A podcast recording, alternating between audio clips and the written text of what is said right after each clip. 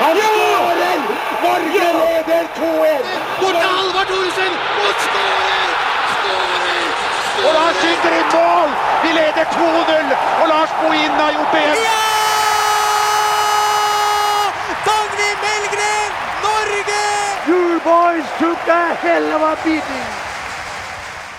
Hvordan står det til med den norske supporterkulturen? Hvor går grensene for språkbruk og virkemidler supporterne bruker? Hvilken posisjon har supporterne i norsk eh, fotball? Og hva mener gjestene om den såkalte bannersaken? Dette er eh, spørsmål vi skal diskutere i denne episoden av eh, Podball, spilt inn 9. mai. Interesseorganisasjonen Norsk supporterallianse representerer eh, mange tusen norske fotballsupportere fra over eh, 40 forskjellige supporterklubber. Velkommen til deg, leder Bjørnar Posse Sandbo. Takk. Jeg er eh, talsmann. Eh, Vidar er leder. Ok, Men talsmann er ikke noe mindre viktig. Da har du i hvert fall rett mann eh, i, hos Podball. Hvordan er det å være Stabæk-supporter om dagen? Nei, det er jo like krevende som alltid. Vi spiller eh, i ekstraomganger i hver eneste cuprunde og eh, har ikke gjort det veldig bra i serien hittil i år. Så, men det, vi er vant til at det er tyngende. Det er liksom eh, aldri plankekjøring. Det var ett år vi hadde det bra. Det husker vi alle. 2007. Hysj Fjørtoft. En uh, spesiell dag også for vår uh, neste gjest Freddy Dos Santos. For i kveld så er det cupkamp mellom uh, to klubber du har spilt for. Ja, det, takk for det. Eh, Det er uh, Skeid Vålerenga som eh, jo har uh, vært stor del av mitt fotballiv. Og jeg tilbrakt i de to klubbene, så jeg, litt spesielt er det. Men uh, ja, som med egentlig begge beina i Vålerenga-leiren om dagen, så, så er det jo det jeg håper på. da. Freddy altså, som jobber i Vålerengas markedsavdeling eh, i dag, og som eh, ifølge han sjøl var en ganske god eh, fotballspiller. Det var det du påpekte i selvbiografien etter et eh, Du har tapt veddemål det i radioprogrammet FK Fotball. Ja, jeg følte det var ganske dekkende, egentlig. Det sto mellom det eller verdens beste fotballspiller, og det var ikke så dekkende, så da ble det ganske god. Ja. Og tidligere kollega av undertegnede. Hyggelig å ha deg her, Freddy. Vår eh, siste gjest har vært på besøk i Podball eh, før. Hans jobb er å mene noe i norsk idrett, og det er jo et uh, bra utgangspunkt for å sitte her igjen. Velkommen, Leif Elhaven. Tusen takk. Og så har vi Fjørtoft. Og eh, når det gjelder deg, Fjøra, så må jeg nesten spørre om, uh, om du har rukket å lande etter en ellevill indre bane-opplevelse i Roma i Champions League. Jeg har landet. Eh, jeg tenkte jeg måtte eh, ha noen minne fra kampen. Så eh, det jeg gjorde, det var å stjele matchballen i tillegg. Så det som jeg var mest bekymra for når jeg gikk ut av stadion, det var om noen merka at jeg tok matchballen under jakka. Så jeg har egentlig ikke tenkt så mye på de reaksjonene, men så begynte, så begynte, jeg, å se, så begynte jeg å se på telefonen min det at vi hadde kommet gjennom, fordi at vi måtte jo kjøre eh, Unplugged Superlive uten å sjekke om det kommer hjem til Norge. Eh, og så er jeg veldig glad for nå at eh, per 9. mai så eh, har ikke det fått noen reaksjoner på at eh, vi ikke brøt noen regler, men det var ikke noen regler for det, og da blir det et fantastisk TV-øyeblikk som eh, Viasat-teamet skapte. Men hvis du fortsetter i samme stil, så kan jeg love deg at Podball kommer til å vie minst én episode til TV-ekspertkulturen. Det håper jeg, og da håper jeg at den neste TV-debatten skal vi ha. Det er hvordan vi skal få spillerne til å åpne seg, i stedet for å stå på innlærte fraser fra kommunikasjonsrådgivere, som på sikt gjør at fotballen kommer til å bli dørgende kjedelig etter kampen er ferdig. Der fikk uh, jeg si, jeg den. 1-1. Ok. Vi uh, vrir uh, fokus over på det det skal handle om i, i Podball. Eh, vår podkast, som for øvrig Jan Åge, vi får stadig flere tilbakemeldinger på, og som flere lytter til. Da har vi oppnådd noe. Ja, og ikke minst at eh, internt i idretten så er det mange som lytter til oss. Så det eh, setter vi pris på også her på huset. Eh, og det, det er ikke sikkert det, Jeg vet ikke hva NFF-ansatte gjør hele tiden, men de hører iallfall på podball. og Det betyr at vi kan ha denne plattformen her der vi kan diskutere alt. Ja, mai er som kjent høysesong for fotballen. Freddy, hva betydde klanen for deg da du spilte i den blå trøya? Altså det, det, det forstår man jo om man har vært eh, på en fotballarena. Klanen jo, var kanskje premissleverandørene for hvordan man drev eh, fotballsupporterkultur i Vålerenga gjennom mange år, og var de første som starta opp med det på en så organisert måte. Eh, Så det, det er jo fantastisk å ha dem i ryggen. Eh, og så er det jo livlig, og det er eh, gøy også for motstandersupportere, eller motstanderspillere, tror jeg. For når vi kommer til Brann stadion eller til Åråsen eller hvor det skal være, så er det gøy selv som uh, Vålerenga-spiller, selv om jeg har fått eh, høre litt av hvert om, eh, om meg sjæl fra når jeg skulle ta lange innkast foran Kanarifansen. Men eh, det er det som skaper litt ekstra liv, da. Jeg liker jo at det er eh, litt bråkete, litt eh, eh, er litt på kanten. Sånn, eh, selvfølgelig innenfor eh, grensene som vi sikkert kommer til å diskutere litt i dag. Men eh, eh, ja, det er noe av det som gjør fotballen til eh, unikt, da, rett og slett. eh, Med den, eh, den lidenskapen det skaper. Og når Vålerenga og klanen var på sitt beste, så er det mange som hevder at det var mange som gikk for å se og høre på klanen, ikke nødvendigvis deg og de som spilte. Jeg håper de eh, ikke som ryggen til oss som var utpå der, da, men eh, Og er slem nå? Nei, det er nok riktig. Kladen var jo på sitt aller beste eh, for noen år siden. Og så har vi jo sett at etter vi har flytta tilbake til egen arena, så, så har de kommet seg eh, til viss grad tilbake eh, igjen. Og så får vi håpe at det kommer enda flere, og at vi klarer å fylle den stadion. Men da er det Ja, de er jo De skapte liv, de skapte røre. Og det var vel det som var tiltrekkende også for folk som ikke nødvendigvis var Vålerenga-supportere helt inn i hjertet. Bjørnar, i Norsk supporterallianse, hva er det som eh, kjennetegner de beste supporterne? Det, det kommer jo helt inn an på hvordan man velger å rangere. Noen er gode i antall, og noen er overpositive hele tiden. Og noen krever veldig mye, men gir veldig mye når det går bra, f.eks. i Bergen. Eh, Men jeg, jeg tror det er viktig at vi i hvert hjørne av landet har et sånt stort lokomotiv, i hvert fall, som eh, Rosenborg har i Trondheim. Og Brann er utrolig viktig for, eh, for Bergen og egentlig for alle. Eh, Og etter hvert som Vålerenga kommer til å vokse til, tror jeg. Det tar nok bare litt tid å vokse seg inn i veggene på Valle. Eh, Så, så, så gjør det at det, det drar opp eh, alle oss andre i en synergieffekt også. Leif, fotball er følelser. Det veit vi eh, alle. Du kaller sjikanen i norsk fotball for den språklige søppelkassen. Og skrev eh, at bare gjennom eh, intern justis så kan det være mulig å bli kvitt det uverdige og tilbakevendende sjikaneproblemet i supportermiljøene. Og da er mitt spørsmål til å begynne med, er det, er det søndagsskolen du trakter etter? Nei, det er ikke det. Og jeg er veldig enig i eh, det som er sagt uh, før her. Altså, en livlig uh, arena hvor uh, klanen har jo vært kjent over eh, år, er en viktig forutsetning for at fotballen skal ha den personen det skal ha. Og vi, det er ikke meningen at vi skal komme dit at, at alle meningsytringer nødvendigvis skal være 100 politisk korrekte. Men når det er sagt, så fremstår det litt sånn unødvendig at vi litt for mange ganger altså, får eksempler på en del altså, ytringer som altså, fremstår veldig platte, unødvendige, uraffinerte.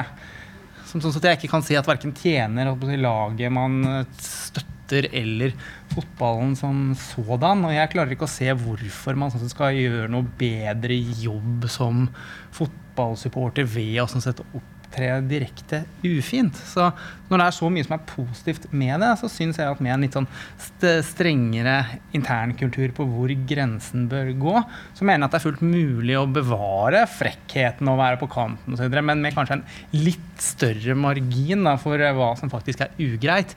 Gitt at en fotballarena faktisk også skal være et sted hvor det er i orden å ha med seg barn.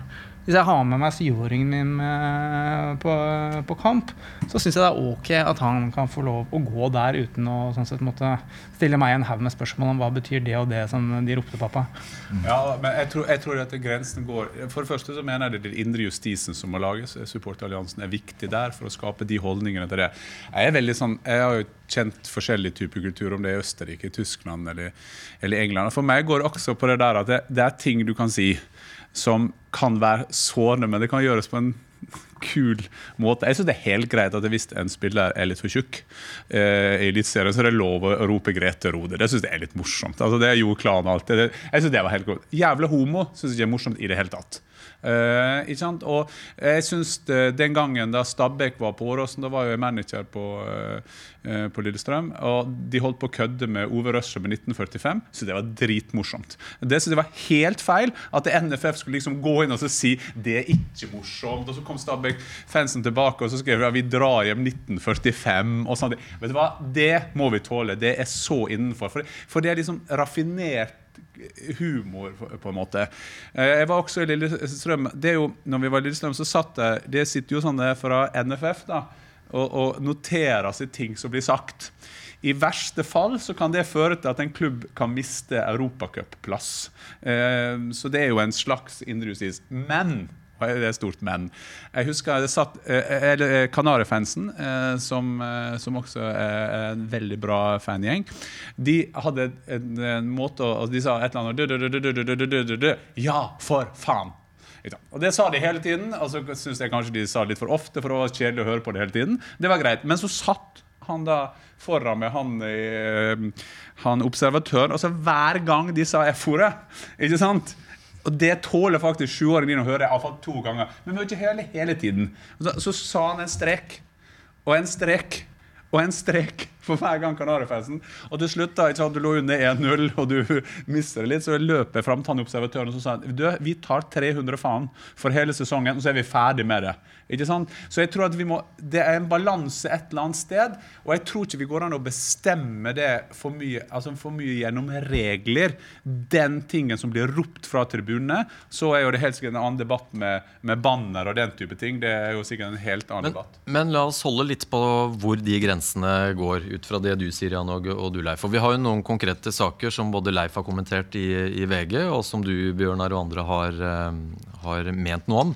Hvis vi tar Herman Stengel sin retur eh, som godsespiller til eh, Vålerengas hjemmebane, så ble det altså ropt eh, 'horesønn' fra klanen. Hva tenkte du da du hørte det, Freddy? Jeg tenkte at det var veldig lite raffinert. Da, på en måte. Det er lite kreativt og, og si man kan eh, Man kunne sagt mye til, eh, til Herman Stengel, fordi man kan ha en formening om hvordan han forlot klubben. Eh, men, men da kan man gjøre det på en mye mer fiffig, intrikat måte, og gjøre det kanskje litt mer delikat da, i den måte, hetsen man skjønte ville komme. Fordi at man skulle gjøre det litt sånn hett om øra på Herman Stengel da han returnerte til Intility Arena, det var helt åpenbart. Men måten de gjorde på, var litt uh, uh, unødvendig, spør meg. da uh, Alle som var i, er i Vålerenga, syns egentlig Herman Stengel er en utrolig fin fyr. men akkurat hvordan han, avgangen da skjedde, det, det, kan man mene mye om, da. Men eh, vi prøvde jo å lage en liten fordi vi, fra, fra, vår egen administrasjons side så kom jo Christian Grindheim, som forlot eh, Vålerenga i samme slengen omtrent, tilbake til Intility Arena nå. Og da lagde vi en stort banner på vår side fra administrasjonen. Eh, veldig sånn sponsa banner. Men som, eh, som det sto eh, Christian Grindheim er en sykepleiersønn, for det er moren hans. Som vi hang opp over vår, eh, over vår eh, hovedtribune. Og som jo var litt sånn, for Vi prøvde å spille litt på det for å gjøre det litt mindre farlig. Da, da er vi over i kategorien eh, raffinert. Men Bjørnar, horesønn, snakker vi ikke da om reinspikka sjikanehets? Uh, jo, vi gjør kanskje det. Uh, ja, kanskje? Tror... Hvorfor drar dere supporterne på det? Hvorfor går det, det, an å si at det er, det, er, det er jo helt klart hets i, i, i de aller flestes øyne. Uh, og så kan vi jo kanskje komme tilbake til hva, hva som hva er hets? Altså, hva, hva, er hets som vi skal tåle, og hva er hets som, som er helt uakseptabelt? Det kan, det kan, jo egentlig omtales som denne grensa. Da, som vi kan snakke om. men jeg tror at alle, alle supportere ønsker den raffineringen at de skal fornærme mest mulig, men samtidig underholde mest mulig. Sånn at man eh, de som ikke bryr seg, ler. Og, og den som skal treffes, blir litt satt ut. Og, og, man får på en måte sagt det man skal. det er jo gjerne sånn at vi, vi, veksler litt mellom hva vi syns det er greit at en voksen mann skal rope så høyt han kan ved siden av vår datter. det kan veksle hver eneste dag. kanskje er det en dag hvor jeg tenker at ja, ok, men dette, dette går bra. og Horesund er på en måte det er noe som lar seg forklare. Det er ikke så ille som eh, rasisme eller homohets, syns jeg. Eh, så, så, jeg ville ikke bare satt alt det i samme kategori. Og så skal det sies at det oppleves nok forskjellig for en som står der med og holder for øra til dattera på syv, enn når jeg leser Aftenpostens tekstversjon av de samme ropene. Som instinktivt hos meg ble lest med en sånn Filmavisen-stemme, og, og gjør det egentlig helt sånn ganske ufarlig. Jeg tror ikke Herman Stenger heller Da er du inne på, på konteksten. altså det å Ja, rope og si det er- det er noe med det at- fra debatten i ettertid. Ja, det er noe med det at vi, vi sier jo veldig, veldig mye som mye bare drukner. Men vi sier jo veldig mye der som vi aldri ville sagt ellers. Fordi vi har liksom en sånn enighet om at det vi sier der, det, det gjelder liksom ikke utenom når kampen er ferdig. Som internett, altså. Når du sitter om natta på Facebook og skjeller ut og har mordtrusler på politikere. Eh, poenget mitt er at det, det vi prater om her, er balansen. Og jeg forstår ikke, og jeg, jeg har blitt kalt alt eh, gjennom en lang fotballkarriere på, på alle språk. Jeg er ikke tjukk, eh, men eh, det blir jeg nå. Men, eh, men, men hvor, hvor, det er liksom, hvor er det da grensen går? Og så spør jeg meg selv, hva har moren til Herman Stengel med det her å gjøre. Ikke sant? Så For meg handler det om at eh, tilbake der at det, hva er det som er gøy med det? Ikke sant? Men OK, jeg skal ikke sitte for nå går vi inn i en annen debatt igjen. Jeg skal ikke sitte som 51-åring, og, og det, er ikke sikkert NFF heller skal sitte og bestemme hva som er morsomt. Så vi har etter en balanse, men jeg føler at det du sier der, Bjørnar, det kan også forklares med de som sitter midt på natta og, eh, og bare kaster ut alt, og så kan de si ja, det hadde vi aldri sagt, for at de fleste, når de blir eh, når de blir ringt opp, eller hvis noen presser følger hva, Hvorfor sa du det om statsministeren vår eller den og den? Så sier de nei, vi mente jo ikke det sånn. Men du kan si at hvis en melding jeg hadde sendt ut på internett midt på natten, hadde forsvunnet klokka ett om natta altså Det vi sender ut der, det blir liksom stående, og det kan leses i, i enhver kontekst. Og jeg tror egentlig at Det er ikke noe særlig tvil om at det ikke var moren til Herman Stengel som var målet for dette her.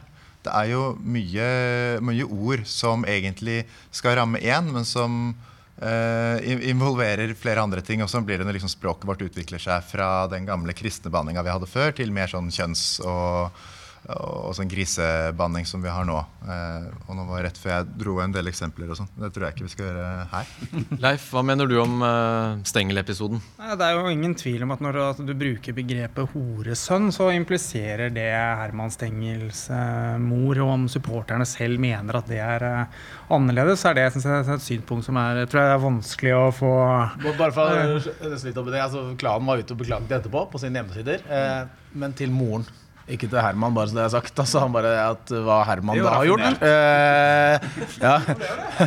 Hva Herman har gjort, skal ikke hun ta ansvar for. Så beklager til Hermans mor. Bare så det er sagt. Det var, jeg tror nok de bomma litt på adressen akkurat eh, i kampsituasjonen der. Men med fare for å høres eh, veldig sånn eh, gammeldags og moralistisk ut, bare for å stille seg en sånn helt enkelt spørsmål. Hvorfor skal man rope sånne type ting? Hva tilfører det fotballopplevelsen? Altså Konteksten man faktisk er der for, er å heie på et eh, fotballag eh, på bekostning av det andre. Hvorfor skal en gjeng med voksne mennesker, eh, primært menn, få en eller annen sånn form for glede av å stå der og være sånn sett med mest mulig kan- barnslige? Hva er poenget? Ja, Vi kan snakke om det med bekostning av andre. da. For når du blir sint, så, så vil du helst krenke, og vil krenke mest mulig. Eh, Og da er det noen som liksom holder hodet litt kaldt, og så klarer de liksom å, roaste noen. Det er liksom noe vi, litt sånn amerikansk greie, hvor du kan fornærme noen veldig mye, men på en sånn måte at, eh, at det på en måte er greit. Og så kan du bli så følelsesmessig satt ut. F.eks. hvis noen setter 1-4 på hjemmebanen din, og du liksom det er ikke noe igjen i deg annet enn bitterhet og skuffelse. Og sånn, og da tar du fram det aller aller verste du har, og så sier du det. Og så går du kanskje hjem etterpå og tenker at «Øh, det var kanskje ikke sånn Det var ikke det feteste jeg har sagt, liksom. Eh, men det, det ligger liksom i å bare krenk noen litt grann tilbake. Eh, og det, det er kanskje litt sånn man ville gjort i et fylleslagsmål på byen og sånn òg. Hvis det er det siste våpenet du har for å støte Nei, Men, men forskjellen, er, forskjellen er at på et fylleslagsmål på byen så går det stort sett utover offeret, og så går det utover deg selv. Eh, for at du må ta konsekvensen av det. Her står det da 7000 barn å høre på. Eh, idretten skal være eh, for eh, barn. Men jeg forstår ikke helt Altså, jeg prøver å forstå det, for at det er ikke noen to strek under, og plutselig så er man eh, Hører plutselig veldig I mitt eget hode hører jeg seg veldig gammel ut når, når jeg eh, sier sånn. Men, men det du prøver, Bjørnar, du, du forklarer fenomenet, men du Men du sier jo ikke at det i en ideell verden skulle vært sånn. Altså Hvis at det 7000 eh, tilskuere roper horesønn, så kan ikke man si etterpå at ja, ja, sånn ble det. Vi må jo kunne klare å ta avstand for det og likevel kunne beholde en god krenkende i anførselstegn, humoristisk, eh, nedlatende. Eh, det er lov, men altså, vi må jo kunne akseptere at det ikke er riktig. Ja, altså Vi ville jo ikke gått ut og rost et horesønnrop. sant? Men samtidig så har klanen selv vært ute og sagt at her var vi litt skeivt utpå. Eh, og da trenger ikke vi å, å komme og slå den spikeren enda lenger eh, inn, fordi de har på en måte egentlig gjort det selv. Så vi skal ikke være noe sånn veldig etter, eh, etterpåkloke der heller. Eh, Det er en del andre tilfeller hvor det går mye lenger over streken, hvor det kanskje er nødvendig å korrigere litt. Og Samtidig så må man ha et visst sånt slingringsmonn. Så lenge man ser at folk klarer å hente seg inn, så er det greit å ligge litt på den gule linja eller den hvite linja innimellom. Eh, selv om det kanskje ikke er der vi ønsker å være. Men det er en, en bevegelig masse med veldig mye følelser, og da kommer det til å bli litt sånn eh, småsmeller innimellom. Men i det store og det hele så, så syns jeg norske fotballsupportere oppfører seg ganske bra i, i forhold til veldig mange andre sammenlignbare land. Freddy, hva tenker du om det fra spiller i Vålerenga til eh, supporteren og, og språkbruken eh, i dag, en del år etter du var aktiv? Nei, jeg tror ikke språkbruken har forandra seg eller blitt noe spesielt mye grovere, jeg, da. Eh, Jeg vet eh, Jeg har som sagt spilt borte mot Lillestrøm og Brann og alle disse klubbene hvor Vålerenga ikke nødvendigvis er mest populære gjester. Så, så jeg tror ikke det var noe mindre på den tida. Jeg syns jo at jeg, jeg savner av og til litt humoren i det. For jeg kan, ta meg selv og være utpå der. Og da jeg spilte Eh, og selv om det er Brann-supporteren eller den andre, så kan jeg ta meg selv og le litt. Altså, herregud, det der var utrolig bra funnet på. Og det savner jeg litt. Jeg har kanskje blitt litt mer sånn alvor og litt mer sintere på måte. Eh, Og det, det syns jeg vært, eh, Man burde prøve å komme tilbake til. Når man, fordi det, det finnes jo ikke noe gøyere enn å være ute på banen og få et eller annet ropt til seg eller til laget eller til motstanderlaget som du bare føler treffer så utrolig på kornet. Og det er den, eh, det er jo da også jeg tror Bjørnar og andre supportere eh, drar hjem og føler at de kan gi seg selv et klapp på skulderen og være litt fornøyd med seg sjøl.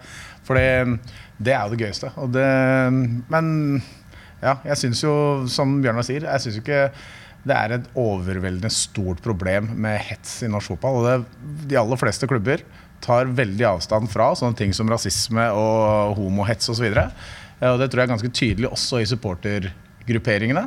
Og så er det noen ganger hvor de bommer sånn på språkmessige ting, som i denne saken, syns jeg. da, Og så er ikke nødvendigvis alle som er enig i det. Men eh, Men Leif, utviklinga i, i dine øyne. Du er ikke like imponert over enkeltepisoder. Er vi på ville veier? Altså, jeg syns det er for mange enkeltepisoder. Men jeg tror også sånn at Bjørn, det kommer litt an på hva du sammenligner det med. Altså, og det er, jeg tror det er litt vanskelig å sånn, si noe kategorisk om hvordan det er nå sammenlignet med for, for ti år siden. Men jeg syns det er for mange episoder vi kunne vært eh, foruten. Og, men når det er sagt, så er det jo altså, sammenlignet med i andre land. Altså, jeg jobbet to år i England og fulgte Premier League, og du vet jo mye mer enn meg om det. Og hva du hører på norske tribuner sammenholdt med hva du hørte der, så er det ingen tvil om at eh, det altså, står langt mildere til uh, i Norge. Så da er spørsmålet liksom, hva skal du altså, hva skal, skal, ja, Hva er liksom lista du skal sammen, du skal sammenligne deg med? da? men, men hvis vi skal sammenligne med England da. Jeg har spilt seks år i England. uh, Jeg er der ofte nå på jobb med- i Champions League. Altså, jeg, jeg hører ikke den hetsen. jeg. Eh, Og det kan godt hende at jeg er supernaiv. Og så er det en annen ting at når det er klart det er 4153 på, på Nadderud Hvis det er to stykker som roper noe uh, skummelt, så hører jo alle det. Ikke sant? Så de der uh, 6000 som står bak der, det er ikke sikkert man hører uh, hva, de, hva de sier. Eh, så det, det, er et, det er et moment her. For at det er ofte så er det få eh, Når vi hadde den episoden nå på, på Bekkestua hvor en del LSK-supportere går gjennom Bekkestua sentrum altså Sammenligne det med å gå gjennom London, og det kommer eh, 7000 eller 10 000 så, så også, Det er ikke alltid man kan sammenligne eh, alt der. Det som jeg synes eh, med de kulturene altså I England så eh, rasisme har de blitt mye, mye, mye mye bedre på i England. Eh, det har vi et stort problem i Øst-Europa. Jeg syns ikke Uefa og Fifa tar tak nok i det. Eh, jeg så vel nå at det var Nå fikk et, en stadion en bot på var det 20 000 pund for, for rasisme. Etter min mening så skal du da, hvis du kjører uh, uh, uh, uh, på stadion. Jeg mener at du skal være automatisk at til neste kamp så skal det ingen være der. Og ved neste gang så får du ikke lov å spille hjemmekampen din der. For det må vi stopper. Eh, så, eh, så jeg, og i, i, Tyskland så har vi det, det, største problemet i Tyskland er ikke hva de roper. Problemet i Tyskland det er at uh, fotballarenaen blir en plass for ekstreme meninger. Det er ikke så mange arenaer igjen i samfunnet hvor du får fram det. Og dessverre da de mer uh, rektekstreme, altså høyrekreftene, bruker fotballstadion for det er en plass de blir sett og får oppmerksomhet. Når du er inne på rasisme, heldigvis veldig sjelden få episoder i norsk fotball. Jeg tror alle rundt bordet kan ikke samtykkende til. Men så skrev du, Leif, og det, det var et prisverdig motangrep på Twitter, som du kalte det, fra Ruben Gabrielsen i Molde. Han ble også kalt for en bitter liten apekatt på Twitter, var det vel, i kjølvannet av tapet mot Rosenborg. Og det er jo litt samfunnsutviklinga, at alle er sine egne redaktører. Det er veldig lett å være tøff i trynet og mene noe med noen få tastetrykk. Men da svarte altså Gabrielsen følgende. Jeg forstår at fotball vekker følelser og passion, og det er jeg veldig glad for, men noen ting kommer jeg aldri til å akseptere, og det er rasisme. Skriv hva faen du vil om meg, men hold familie og hudfarge utenfor. Ikke for mye å be om, skriver eh, altså Gabrielsen. Det er også en måte å ta om ikke brodden av problemet, i hvert fall eh, besvare det på? Det er jo helt uh, forbilledlig. Altså, når, når, noe sånt type skjer, så tror jeg det kan være ganske oppdragende også. Hvis det er altså folk som følges av spillere som følges av en uh, del uh, folk på Twitter. Du har I England så har du sånn Stan Collymore eksempel, har jo hatt litt samme rolle, som har brukt veldig mye altså sosiale, sosiale medier til å oute alt han får av, av av, av tilsvarende Det har kosta for han, for han får jo det rett i trynet hvorfor han uh, banka opp Ulrika Johnsen. Så det at når han da skal være skal si det at vi skal beholde roen i det, roen i det sosiale rom. Uh, så, men jeg, jeg, tror rasismen er, eh, er, svært viktig. Men det, jeg opplever ikke det som et stort problem i Norge. Men det som er da utrolig viktig, at de få gangene det det er sånn som Ruben Gabrielsen gjør der, så, det, så, bør vi ha en debatt om det, slik at det blir totalt uakseptert i, i Norge å ha rundt det. Men jeg opplever ikke at det er iallfall en Muligens et større problem på sosiale medier enn det, enn det er på fotballarenaer. For jeg tror heller ikke sånn sett at det, som opplever at uh, rasisme er noe, altså er noe problem av, uh, av noe omfang her. Altså. Akkurat, altså, akkurat, der tror jeg faktisk at samfunnet generelt har et større problem enn fotballen. For fotballen har, er veldig god på integrering. Eh, sånn at det å ha fokus på det, det er superviktig. Men i fotballen så er vi faktisk Da kan vi oss selv klapp på skulderen, selv om vi er uenige i veldig mye annet. Så, vi, så har vi ganske et stort felles standpunkt i rasisme rasismedebatt, og det tror jeg er utrolig sterkt. Tror det er utrolig viktig, for jeg, tror det er viktig, jeg sier alltid at jeg har vært den viktigste integreringsarena i samfunnet vårt hele livet, er en fotballgarderobe.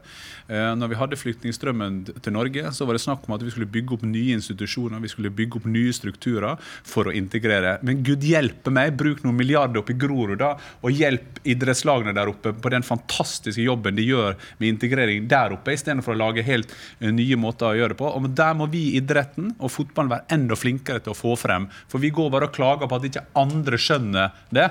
Men gud hjelpe, vi skjønner jo nesten ikke selv heller hvilken eh, rolle vi har i samfunnet. Vi, nå høres det ut som supporterne er et stort problem. De er jo først og fremst en vanvittig ressurs for norsk fotball. og det, det, skal vi snakke om, Bjørnar. Vi skal snakke om hva dere er opptatt av, hvilke saker dere kjemper for osv. Men ta tak i én konkret uh, sak først, og det er den såkalte bannersaken. Molde har altså en eh, voldtektstiltalt spiller i troppen. Eh, vurderte om eh, vedkommende skulle få utøve idretten på vanlig måte. Han er med i troppen, uh, spiller. ikke hver kamp, men har vært, vært, i aksjon. Og så vet vi at det var kraftige reaksjoner fra en del supportermiljø. De sa hva de mente i, i form av bannere, og noen gikk også og, og flåta navnet til vedkommende spiller. Hva er dine tanker rundt det på vegne av NSA? Vi gikk jo ut 4.4 eh, eh, og anbefalte at han ikke burde spille. Av den enkle grunn at uh, fotballen blir en veldig eksplosiv arena. Uh, og da kommer alle de gode hjelperne på sin hest. ikke sant? At uh, det er veldig lett å være mot en voldtektsmann. Men, men, nå sier du voldtektsmann. Han er jo ja, ja. Er PT ingen voldtektsmann. Nei, det, er ikke det nei, å forhåndsdømme en som skal utøve nei, en, et yrke? Vi har uh, gjentatt i, i, overalt hvor vi har vært uh, med, at uh, denne saken skal avgjøres i retten i august. Og Bør han ikke da få spille fotball i mellomtiden? det er fordi at eh, den, eh, den byrden du har da, av å være tiltalt, den vil nesten automatisk bli oversatt til at du må jo ha gjort noe.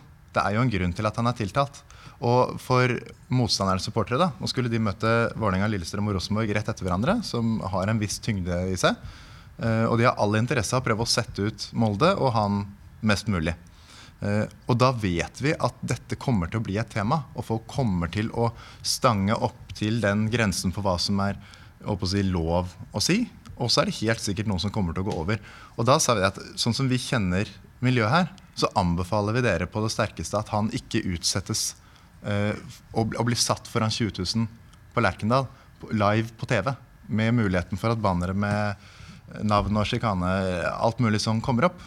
Eh, og så vet jo ikke vi hva som har skjedd den kvelden som Nei, det- det skal ikke vi, eh, spekulere i her, og vi vet heller ikke hva Molde har diskutert internt. Vi vet Nei. ikke selv hva spilleren syns.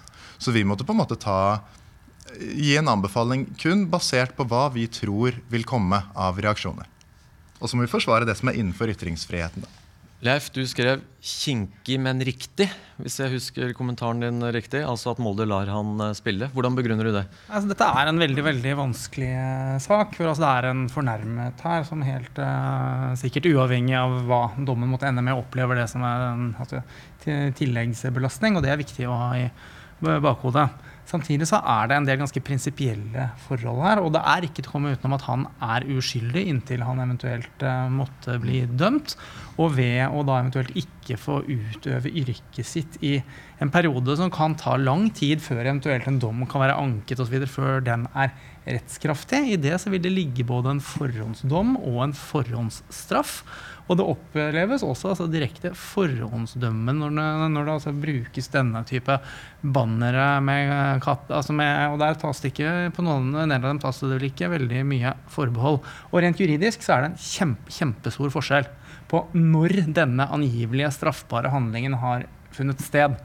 Hadde dette vært i en kontekst som er relatert til yrket hans som fotballspiller, så ville det juridisk sett vært noe helt annet enn om dette er noe som har eller ikke har funnet sted på fritiden. Og spørsmålet er jo da altså berettigelsen av å ilegge ham et yrkesforbud for noe han eventuelt har gjort eh, på fritiden, er spesielt, all den tid også Molde har kontraktsmessige forpliktelser overfor denne spilleren.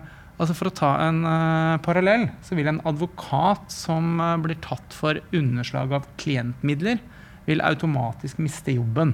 En advokat som kjører i fylla på fritiden, vil ikke nødvendigvis miste anledningen til å praktisere som advokat. Og som fotballspiller, som altså har en, en tidsbegrenset periode hvor du har anledning til å tjene penger, så vil altså et, og også det å vise seg fram og spille har noe å si for, altså for markedsverdien din senere, så vil faktisk et yrkesforbud som kunne dra ut eh, i tid, på et tidspunkt hvor du ikke er domfelt for noe som helst straffbart, i mitt syn, altså et- etter mine øyne, sånn sett være holdt på å si dis, eh, altså fullstendig disproporsjonalt og feil ut fra at eh, saken ikke er, eh, ikke er eh, avgjort. Og det må i hvert fall sånn sett være spillerens eh, valg å eventuelt uh, si ja eller nei til å spille. Og hvis han velger å spille i den perioden, syns jeg at, vi skal, at vi og supportere skal respektere at han faktisk er uskyldig inntil han eventuelt er dømt. Hvis vi snakker litt om forhåndsdømming, da. Mm. Effekten av forhåndsdømming kan jo ha blitt større ved at han spiller, enn belastningen ved å ikke spille. Det er det vi ikke vet. Det kan godt være at han for alltid vil være merket og dømt av folket, selv om han skulle bli frikjent. Men er ikke det en det en vurdering klubben og den aktuelle spilleren må få lov til å gjøre på selvstendig Ja, det er grunnlag det vi- Vi vet jo ikke hva de har blitt enige om. Ikke sant? Vi vet Mm. jo ikke om spilleren selv har sagt at 'jeg ønsker å spille'. Hadde det vært det, så hadde det vært sånn Ok, men da, da er det jo ikke opp til Molde. Da er de på en måte bundet litt på hender og føtter nettopp fordi at de, de kan ikke som arbeidsgiver nekte ham å gjøre jobben sin. Men det, det vet vi ikke. Vi har bare anbefalt dem Jeg- at effekten her kommer til å bli veldig kraftig. Jeg tror det der er saken begynner å bli kinkig. ikke sant? Fordi eh, det som Vi kan sammenligne med andre yrkesgrupper, men her er det så altså det, det er en jury som sitter på tribunen. Altså Det er de som vi må tilbake til gamle Roma med finger opp eller finger ned. Eh, Det ligger jo i supporterkulturen. Det er jo en del av det vi er hele tiden. ikke sant? Altså, du kan gå på jobb, og når du har noe på trykk live, så eh, får du sikkert respons om det var bra eller dårlig, men vi har der og da live. Og da begynner det å bli veldig vanskelig. Og denne saken jeg syns er, som du bra ordet, det er en veldig kinkig sak. fordi at det, du kan ikke gi han yrkesforbud. Eh, på samme tid så forstår jeg supporteralliansen når de sier at de, de, på en måte har en pre-warning på hva som kommer til å skje. For at det, det er jo bare en liten greie, eller en liten del av en supporter gjeng som skal uh, få til dette. der, Men der begynner det å bli vanskelig. Jeg syns det også er generelt med banner. ikke sant? Altså, Vi hadde jo en sak for et uh, par år siden med de regnbueflagget. Det er ikke så lett å argumentere for at det ikke skal være lov å uttrykke sin støtte til en sak inne på stadion. Hvor er det grensa går for politisk innhold? Kan man støtte Inn mot valget kan man da eh, ha halve tribunen at man støtter Arbeiderpartiet eller Høyre? Altså, ja, men det, det kan det være. Altså, noen kommer med jeg skal ikke si Sigden, for det er et annet parti. Men uh, jeg føler den er Nei, Det er et godt eksempel, og det er jo litt av dilemmaet her at alle er vel enige at det må være en form for regelverk, men så er det jo utøvelsen, forståelsen og tolkningene i hver enkelt sak. Og det har blitt sagt av dere her nå, det vi akkurat har diskutert, der fins ikke nødvendigvis eh, fasiten, men det fins argumenter eh, begge veier. Men jeg, tror vi forlater den saken, og så snakker vi om uh, supporterkulturen i Norge for øvrig. Vi skal jo ikke lenger enn til Sverige, så har vi hatt mange alvorlige voldssituasjoner. Vi hadde en casuals-utfordring i norsk fotball for noen år siden som per i dag virker som er nesten helt, uh, helt borte. Uh, hva tror du det skyldes, Bjørnar? Det kan, det kan egentlig være at noe trender en periode, og så, og så gjør det ikke det lenger. Litt som generelle publikumstall, egentlig. Og så inspireres man nok av videoer og, og, ting man ser på nett, og har lyst til å gjenskape det samme fordi man syns at en gjeng ser kul ut der, og så har man lyst til å gjøre det. Det er jo en russegjeng i Follo som kaller seg casuals, og de, de, hadde ikke gjort det hvis ikke de hadde hørt om fenomenet et annet sted, for jeg tror ikke Follo har veldig mange casuals i utgangspunktet. Eh, jeg husker den der debatten. Eh, det var særlig fordi det, det var jo Sveriges eh, første supporterdrap, var det det de kalte det? Og dette var jo en av, av de gutta som gjerne så først, sånn som jeg skjønte det. Som, var det ikke det? Ja, eh, og der var det noen som angivelig hadde ønsket å slåss med hverandre, og så hadde de slåss, og så var det maksimalt uheldig utfall. Så det var jo ikke sånn sett en, en fyr som ble overfalt mens han gikk alene og myrdet på gata. Nei, men samtidig så Det er jo, det er jo dødsfall. Det er jo noe ja, det, Og det vekket en veldig stor og viktig diskusjon hos oss. da. Mm. Eh, og vi måtte på en måte prøve å forklare for oss selv hva er det primale i i det at noen velger å gå lenger. Eh, ikke bare være inne på tribunen og rope ting, men også kanskje passere hverandre i gaten og rope ting. Og så er det noen som, som smeller sammen igjen. Men det er det der med at fotballen speiler samfunnet. ikke sant? Hvis vi har voldsproblemer i samfunnet, så, så vil det på et eller annet vis uh, være synlig i fotballen også, selv om vi på en del arenaer kanskje er bedre enn samfunnet for øvrig. F.eks. er jo supportklubbene apolitiske. Det er jo ikke høyre og venstre mot hverandre slik det er i, i en del andre land. Så, eh, hvis man sammenligner med Sverige, så har de en helt annen demografi. De har nærmest en fortapt ungdom med stor arbeidsledighet og, og den altså fattigdom. Og det er kanskje det vi begynner å se nå helt på siden av fotballen eh, i, i Groruddalen. Og, og, steder hvor de sliter med ungdomsgjenger og folk som rett og slett ikke har så veldig mye å tape. Eh, det er da det liksom kan bli litt skummelt med, eh, med en gjeng med frustrerte unge menn som går lenger enn oss andre som syns det er rart å risikere jobb og, og helse for å slå noe. Hva tenker du, Freddy? Nå nevnte Bjørnar Groruddalen. Vålerenga har mange supportere nettopp i, i, det området. Skal vi slå oss til ro med at ting er bra nå, eller skal vi være på vakt i forhold til samfunnsutviklingen og hvordan det kan påvirke hva som skjer på fotballarenaer? Nei, Man må selvfølgelig være, være, på vakt og se hva som skjer og hvordan utviklingen blir. Men jeg skal si at Vålinga som klubb, da, det, jeg kjenner jo ikke til hvordan alle andre klubber gjør det. Men vi jobber eh, ekstremt tett med våre supportergrupperinger. Og så snakker vi om klanen her, stort sett eh, som en enkeltstående organisasjon. Men det er jo ikke Vålerenga-supporterne. Når jeg møter de på gata, så blir jeg litt, blir litt forbanna på meg når jeg sier at klanen ditt og klanen datt. Så det er mange grupperinger innunder Vålerenga-supporterne, og klanen er en av dem. Klanen har en gjennomsnittsalder på 42.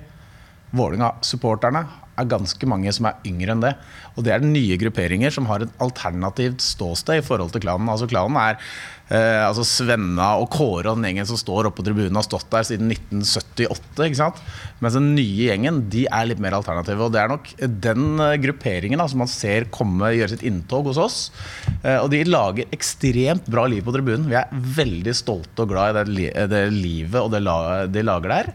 Og så har de også gir oss andre utfordringer. Og det gjør at vi har ansatt en supporterkoordinator som jobber rent ut med dette. 40% Han er på jobb to ganger i uka i tillegg til alle kampdager på borte- og hjemmebane. Og har ekstremt tett dialog med disse grupperingene. Og det tror Jeg ikke, jeg vet ikke hvordan alle andre klubber gjør det, men det er i hvert fall et veldig bevisst valg vi gjør for å være i dialog. Og så er det ikke sånn at vi som klubb kan påvirke ytringene, sangene som de kommer. Altså Hvis vi kommer og prøver å tre nedover dem at dere får ikke lov til å synge ditt, eller får ikke lov til å synge datt, da, vi, da, altså, da eh, skal jeg love deg at vi tråkker feil. Så annen, Vi kan prøve å påvirke på noe vis, men vi kan ikke tre noen ned over hodet. For da, da, da er sikker på Bjørnar, Hvis Stabæk hadde kommet og sagt til deg hva du kunne sagt, hvis Inge André Olsen sa til deg du har ikke lov til å synge det som supporterklubb, da, ja, da Stabæk hardt vær. Leif? Jeg er enig i veldig mye av det første du sier. Jeg tror den sånn, sånn proaktive funksjonen der er ekstremt viktig med dialog med supporterne. Og også sånn hvis man ser at ting er i ferd med å utarte på noe vis, at man tar ting veldig tidlig. Eh, det siste syns jeg kanskje er litt mer uenig i. Altså hvis du tar for eksempel, eksempelet som Jan Åge var inne på her i stad, men altså det, med denne gruppen med Lillestrøm-supportere som kommer med ren eh, homohets som kringkastes, da høres på TV fra stadion, og som også altså, da ropes gående gjennom Bekkestua sentrum. Da mener jeg at det sånn sett også vil være en oppgave sånn sett for klubben å ta opp den type, den type eksempler. Fordi, jeg sa, for der er jeg helt enig med deg. Akkurat på det der. Men, uh, ja. Jeg tror at uh, dialog er viktig, og så har jeg lært meg det de eldre blir, så skjønner jeg at uh, alt er en balanse. Altså, alt handler om å finne balansen her. For at du kan ha for mye dialog også med en, med en supportergruppe. For at du kan ikke gi dem for mye makt heller. Det er ikke de som skal bestemme over en klubb. Uh, jeg er jo som sagt gul og svart. Jeg er LSK-fan, har vært det hele livet. Uh, når jeg begynte som manager, så var det første jeg gikk, det var selvsagt Kanarifansen, for å høre hva de mente burde endres. Og dere kjenner jo sikkert flere av de, bl.a. Arild Myklebust, som da skrev 28 håndskrevne sider eh, på penn på ting som skulle endres. Og da var min ja, ja, bare begynt. Bare begynt nå, dere skal få et kontor. Sett dere ned her og, begynt, og fortell oss hva, hvordan vi skal gjøre dette, hvordan vi skal effektuere dette. Så gikk det for langt også i Lillestrøm. Vi hadde også grupperinger. Det er mulig man har det, så godt det er ikke oppdatert nå. Da er det på et eller annet tidspunkt slutt når det begynner med slåssing og når det begynner med Burberries og det begynner med forskjellige ting, da er det slutt. Da trenger du også tøffe ledere. Da hadde vi Frank Grønlund som sa at hvis det skjer en gang til, så stenger vi stadion. Vi, vi stenger stadion. Vi må ikke ha hjelp fra, fra NFF eh, til å gjøre det. Interessant i Tyskland, i Eintracht Frankfurt, min gamle klubb, så gikk presidenten ut eh, og sa jeg ønsker ikke å se tilhengere av partiet ADF, eh, AFD, unnskyld, på vår stadion. Alternativ for Deutschland. Altså det er et høyre Altså det er et eh, parti ute på høyresiden. Ytterliggående høyre. Ja, ytterliggående, men altså nå skal ikke vi de er, de er valgt, det er en del av demokratiet, sammen med Sverigedemokraterna og sånn. Det er ganske interessant å forholde seg til det, for da jeg ble oppringt av det. Så hva mente jeg med det? Og jeg hadde sånn ambivalente følelser for det, for at jeg mener for da er vi litt der at du er apolitisk. altså et eller annet sted, Men på samme tid så hadde vi sagt at vi vil ikke ha nazisme og vi vil ikke ha nazismebanner. Så hvor er det grensen går for det? Så jeg tror at det, klubben også må spørre seg selv hvor langt la vi slippe. En annen gammel klubb med Rapid Wien har hatt store problemer med ultras. De har da søkt dialog, men de har tatt den dialogen så langt at fansen føler de er med på å styre klubben. Og grunnen til at de eh, kan styre klubben det er, eh, til tider, det er at de har et eh, ris bak speilet. De kan rive ned et gjerde, de kan slåss, de kan gjøre hva vi vil, og klubben eh, kommer i panikk. Så hvor er det grensen går, det er ikke lett å si. Bjørnar, Norsk uh, supporterallianse er en interesseorganisasjon. Det har vært mange kampsaker uh, opp gjennom årene. Uh, mandagskampen, bort med den, husker vi som et, et, lite eksempel. Hva er dere mest opptatt av i 2018? Hva er det som er viktig for å utvikle supportermiljøet ytterligere? Vi vil jo ha noe å si i hvordan eh, sesongen skal spilles. Eh, vi har samlet inn en del informasjon fra klubbene om hva de syns om tidlig sesongstart, og eventuelt hva de er villige til å ofre. Om folk er villige til å ofre sommerferien for å ikke starte altfor tidlig og, og slutte altfor sent. og sånn. Eh, vi er veldig opptatt av at vi skal ha gode supportkoordinatorer som blir rimelig kompensert for den jobben de legger ned, fordi det er utrolig viktig. På Bekstua var det supportkoordinatorer fra begge lag som antagelig var med på å sørge for at det forløp uten at det gikk noe lenger enn det hadde trengt å gjøre. Uh, selvfølgelig de verbale ytringene er én ting, men det, her var det jo to relativt store grupper med mennesker som var veldig veldig nær hverandre, og det var to supportkoordinatorer bl.a. imellom.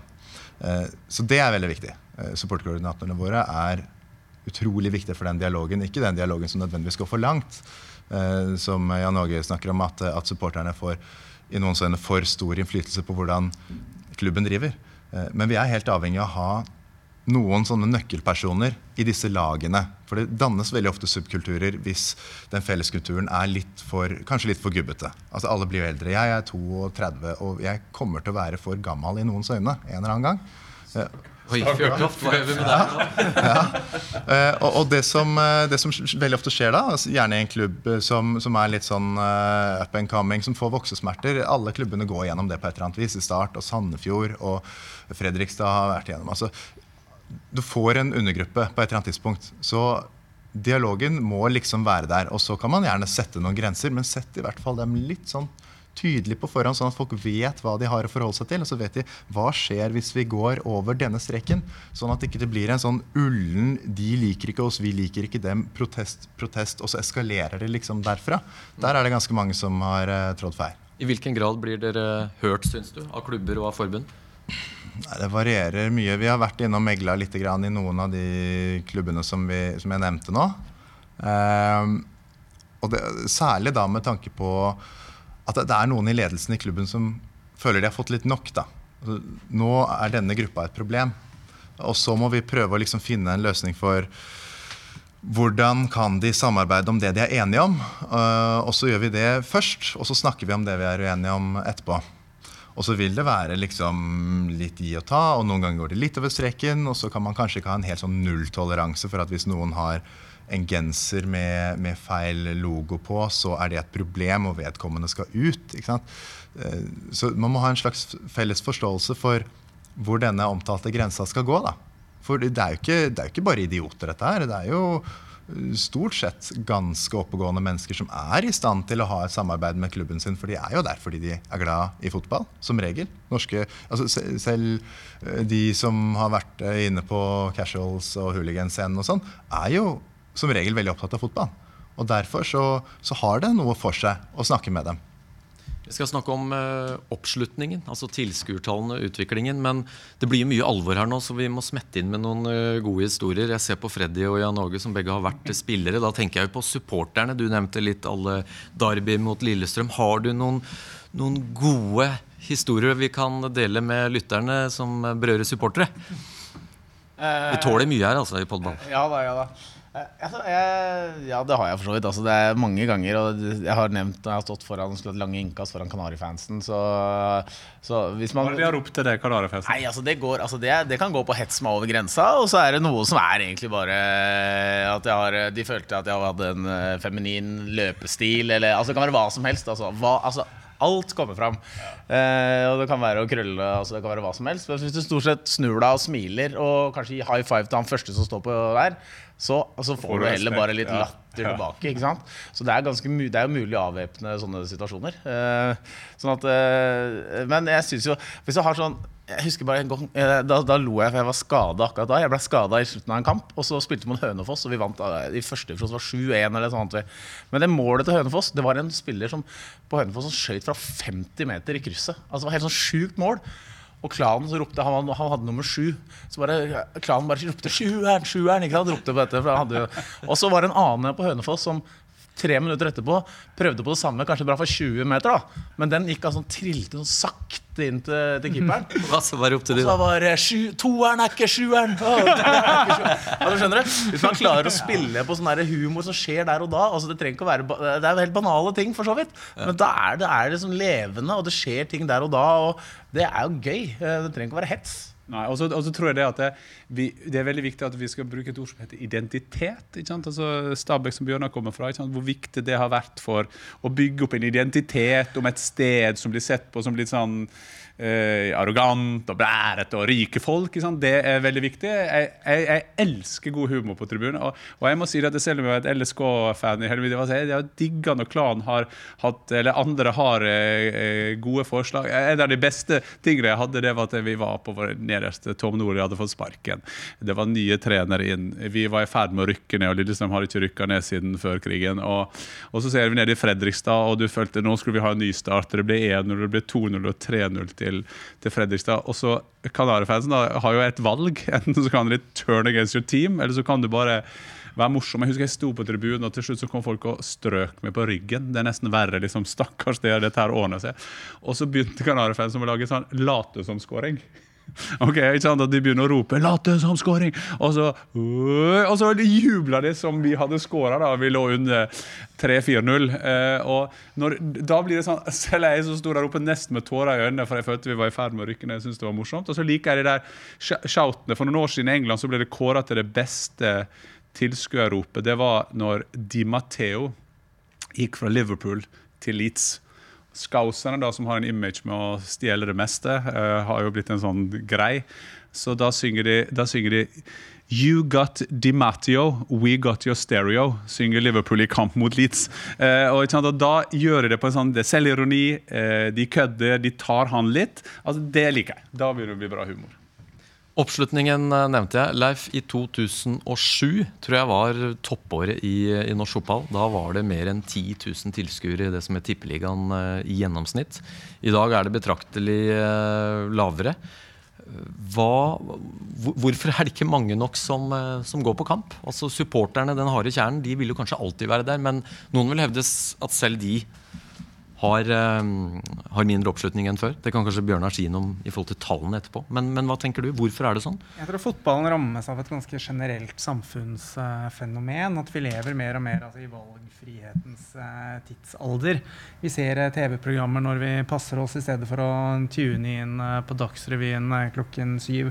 Mer og mer skjer elektronisk. Det er færre ting som er til faste tider. Og, tror altså da, og det er altså TV, og hvis du bare ser på den eksplosive utviklingen i TV-tilbudet, så konkurrerer jo altså norsk eh, toppfotball med ligaer som rent kvalitativt altså Både ligaer og cupturneringer som, rent kvalitativt fotballmessig er på, eh, et eh, helt annet nivå, som man får eh, rett inn i stuen.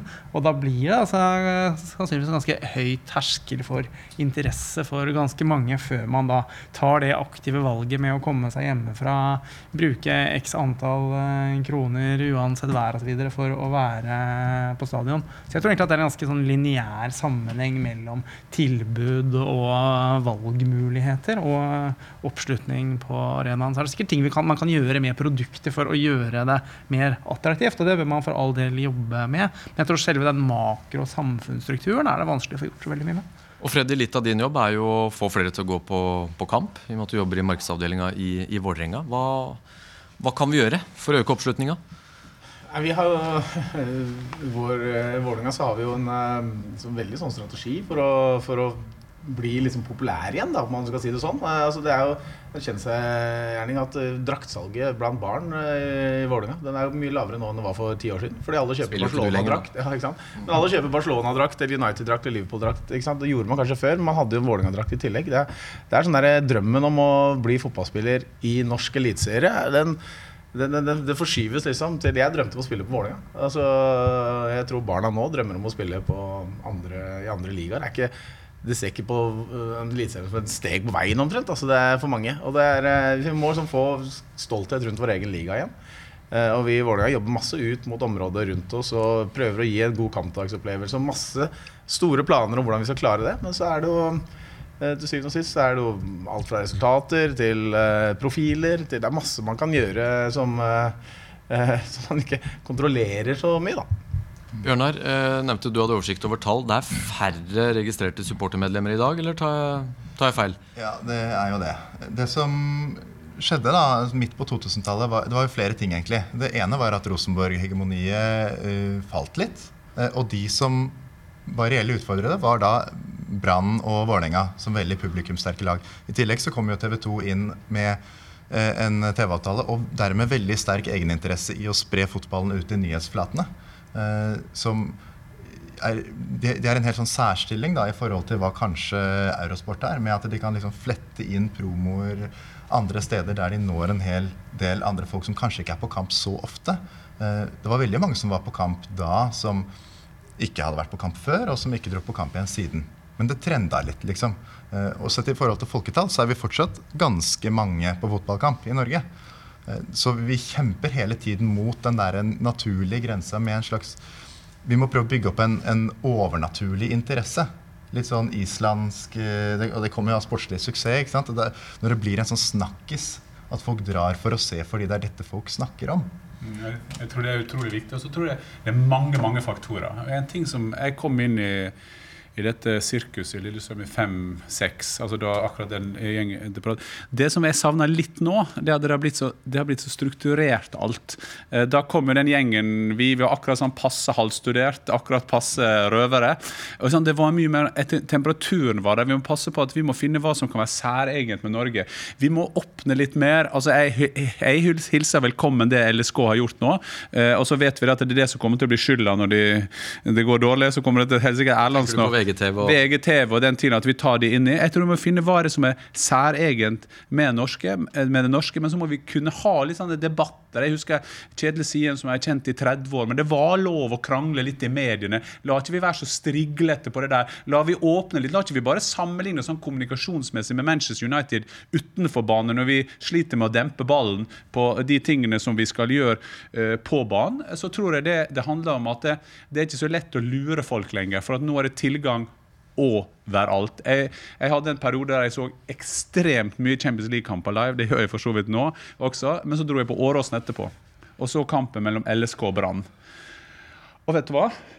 Jeg, måtte bare ta med seg Norge, nå må du skjerpe det. For det er helt greit at det er dårligere fotball her. For dette her er noe annet. Derfor må vi klare å få fram mer med det identitet. Vi må få fram dette her, hva det betyr for, eh, for Stabæk sin identitet, LSK sin identitet, Vålerenga som en Oslo-identitet, Bergen, er Bergen, Tromsø, Rosenborg. Vi må bruke mer tid på, på de tingene. Og så tror jeg bare, til, for å si det til slutt, det som Leif sier, er at det, vi er så vant til nå å og at det der live, at vi må ha det Vi velger å ta det bort. Altså De fleste av oss her er, er, sikkert ser TV når vi ønsker å se TV. Eh, og så er det en sånn eh, Vi biter oss også selv i halen da, for at på grunn av det at TV er det eneste som skal fotball er det eneste som skal vises live på, på TV. Derfor blir TV-avtalene større og større. Eh, så alt dette her gjør det at det, vi har mista litt av den hvorfor vi, det essensielle spørsmålet. Hvorfor skal du dra og se på en norsk fotballkamp? Og så vil du alle si Nei, jeg orker ikke å se på norsk fotball, for vi ser jo hvor dårlig det er. i forhold til Ja, men da, Vi kan ikke selge oss opp imot Ronaldo. Vi må selge oss på det som Vålerenga var, og jeg er sikkert i ferd med kanskje å bli flink igjen på. Det at de er Oslo-stolthet, de er en eh, ting som skal gjøre i rasismedelen. De kan få med seg hele Grorud. De må føle at det, det er arenaen disse menneskene kan møtes på. Så jeg tror at vi må, vi må tørre å ta den debatten. Hvem er det norsk fotball skal, eller norsk idrett skal være til for? Og så er det mange måter Leif, å, å bruke tall på. For Hvis vi tar eksempelvis Rosenborg, da, vi snakka om storhetsperioden og at de ikke er like dominerende. Men de har altså et eh, snitt så langt i år. Nå hjalp det jo med fullstadion mot Trondheim, men likevel, det er et snitt på 16 800 i Trondheim. Mange bor det i Trondheim? 100 Var ikke det 21 000 nå mot Trondheim? Jo. Ja. Så det er klart, og og når jeg sjekker eh, FCK i eh, altså København, så er det av og til 10 000-12 000 tilskuere. Så det er jo litt hvor, hvor vi legger lista. Og når jeg refererte til 2007, så var vi eh, best i Europa eh, målt opp mot eh, folketall. Og så har det skjedd veldig mye i samfunnet siden den gang. Men nå nevnte jeg Rosenborg som et godt eksempel. Hvis vi tar Brann, som har prestert ekstremt bra i år, så har altså de et snitt på 8963. Større by enn en Trondheim. Så der bør jo potensialet leder serien. Og lede serien. Så der, der har man jo en lavere oppslutning. Men. Bjørnar har- jo et poeng, han begynner med det sportslige. Vi må, altså jeg tror at det ligger latent et eller annet sted. Eh, Man bruker veldig mye tid på å prate ned Per-Mathias Høgmo. Det var tre, fire, fem utsolgte hus her. Det ligger et eller annet sted der. Om det er for fotball? Nei, jeg tror at det er for at det, ja, det er stas at Norge eh, er god i en verdensidrett. Det ligger et eller annet sted, og i dag på frokost-TV 9. mai så diskuterte de det med Mirakel i Marseille. Og da var det en som satt i studio, og han sa det, det var like mye som at det, altså, for Man sammenlignet det med Lillehammer-OL, men det var liksom naturlig at vi skulle være gode på ski. At Der skal vi være gode. Så jeg tror det ligger et eller annet sted vi har så lyst at vi skal ha noen i Champions League. Vi har så lyst at Norge skal kvalifisere seg til et mesterskap igjen. Det er bra. Jeg ser på uret. Vi eh, runder straks eh, timen. Så vi skal begynne å runde av. Men eh, Freddy, Skeid, din gamle klubb, mot Vålerenga i cupen. Der bør det jo bli eh, folksomt. Ja, jeg regner med at det kommer rundt 3000 tilskuere, og at det er utsolgt på Nordre Åsen eh, i kveld. Så det blir jo en eh, folkefest. Vi har vært så heldige at vi har hatt tre eh, Oslo-derby i cupen. Eh, både mot Årvoll og Grorud tidligere. Og nå Skeid. Så det blir eh, nervepirrende, også for min del, som da er litt glad i begge disse klubbene. her. Og Vi har snakka om cupen før her. Jan Åge. Vi hadde jo Øyvind Larsen i Fotballforbundet, som er primus motor i Årvoll, som Vålerenga møtte i, cupen i i år. Da var det vel snaut 2700 tilskuere, tror jeg. Så eh, Bjørnar, cupens første runder, i hvert fall runde én og to, det er gedigne folkefester. Mange steder i hvert fall. Ja, og så pleier det å droppe litt grann etter hvert, og så kommer det opp igjen. Eh, og cupen er en, det er en helt sånn særstilling i Norge, og derfor er det nok også veldig mange som er imot det å i det hele tatt skyve på cupfinalen, sånn som har vært tema innimellom. Når, når skal vi egentlig liksom ha den festen? Og så ser vi at det blir en sånn Har det ikke blitt spilt en sånn mesterfinale eller noe sånt? Ser den på Fjørtoft her, Bjørnar? Litt innimellom, ja. Vi får se om, vi får se om Fjørtoft får akkreditering først. Det er slett ingen Men- selvfølge. Men cuptradisjonen, den, den er jo der. Og den, den liker vi jo. Vi liker å komme til sånne små steder. og Helst når de ikke skrur opp billettprisene til de, ja, Mjøndalen skal ha 220 kroner. ikke sant? Rosenborg skal ha 110 kroner for Rosenborg Brann, toppkamp i Eliteserien. Eh, Men det å liksom betale en hundrelapp for å stå på en gressflekk, og så mm, handler du det du kan i kiosken, og så ryker du forhåpentligvis ikke ut. Det er den ideelle cupopplevelsen for eliteserieklubbene, som da har alt å tape. Den ideelle, det er riktig. Uh, Leif, skal du på fotballkamp i nær fremtid? Det skal jeg, jeg er helt uh, sikker. For så ofte jeg har, for så ofte jeg har eh, tid. Så er det litt, ja, men så er det for meg som å- for alle andre at det blir liksom Kanskje har man oftere lyst enn det det ender, man, ender, ender med at man eh, får eh, anledning eh, til. Og det er vel en sånn kanskje litt altså, der ut, utfordringen eh, ligger for, eh, for veldig mange. Men når man først kommer seg på stadion, så er jo, ofte, er jo opplevelsen en helt annen. Så det er ofte den der litt sånn dørstokkmila også det er eh, snakk om her. Med noen kjedelige unntak så er det veldig sjelden man angrer på at man har vært på en fotballkamp live. Fjørtoft, du er bortskjemt. Du i kraft av jobben din får se og oppleve veldig mye fotball. Fotball er best på stadion. Det er det så absolutt, men jeg, jeg må si det at jeg, jeg har fått lov å sett nå eh, toppkampen i hele vår. Men den gøyeste kampen jeg var på, det var jeg for, for ca. en uke siden. Da var jeg på LGFK, som er da Larsnes Gursken fotballklubb, som spilte mot Hareid. Og der satt jeg ved siden av den gjengen som eh, spilte på A-laget da jeg var 8-9-10 år og reiste rundt med Gursken og så så på de lokale oppgjørene. Det var helt fantastisk. Og de satt og, og, og de løste alle verdensproblemene. De hadde, de hadde klare meninger på alle politiske saker. De, det var en arena hvor jeg trivdes så å være. Og, og, og så kan vi si ja, det var på Gursken, det var på River Plate, som banen vår heter i Gursken. Men det er egentlig den type kultur Freddy jobber med å få inn på Vålerenga å stå på puben før å kose seg, eller man gjør det på Stabekk og få den eh, identiteten som man gjør der. Det er de beste opplevelsene. Helt klart på stadion er det beste. Det skal jeg kanskje ikke si som TV-mann, OK. Jo, men du, du, har, du har helt uh, rett. Jeg skal på G17-kamp i England.